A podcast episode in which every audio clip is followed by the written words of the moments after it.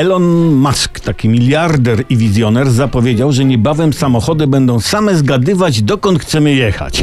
Takie będą mądre. Wsiadasz do auta z rodziną i robisz autofamiliadę. No auto, siedzimy, zgadnij, gdzie chcemy jechać.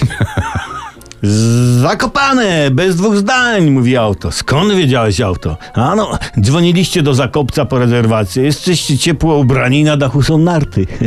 Nie wiem, czy to tak będzie wyglądać. No chyba, no bo jak inaczej. Jak twierdzi Musk, takie auto, nawet można powiedzieć ym, auto-auto, to element przygotowań do osiągnięcia piątego najwyższego stopnia autonomizacji pojazdu, czyli uniezależnienia pojazdów od człowieka. Ja wiem, jaki będzie jeszcze, jeszcze najwyższy, szósty stopień autonomizacji pojazdu. Pojazd nie tylko zgadnie, dokąd chcesz jechać, ale twoje auto tam za ciebie pojedzie. Bez pytania. No, pomyślisz sobie rano, a okej, okay, okej, okay, jadę do Zakopanego. Wyglądasz przez okno i twoje auto już jest w drodze. tak będzie, to byłoby genialne. Zamiast tuć się w korkach na urlop, wysyłasz nad morze swój samochód, niech łobuz się męczy jak taki mądry. Ciekawe tylko, czy auto zda za mnie egzamin na prawo jazdy i czy zapłaci mandaty.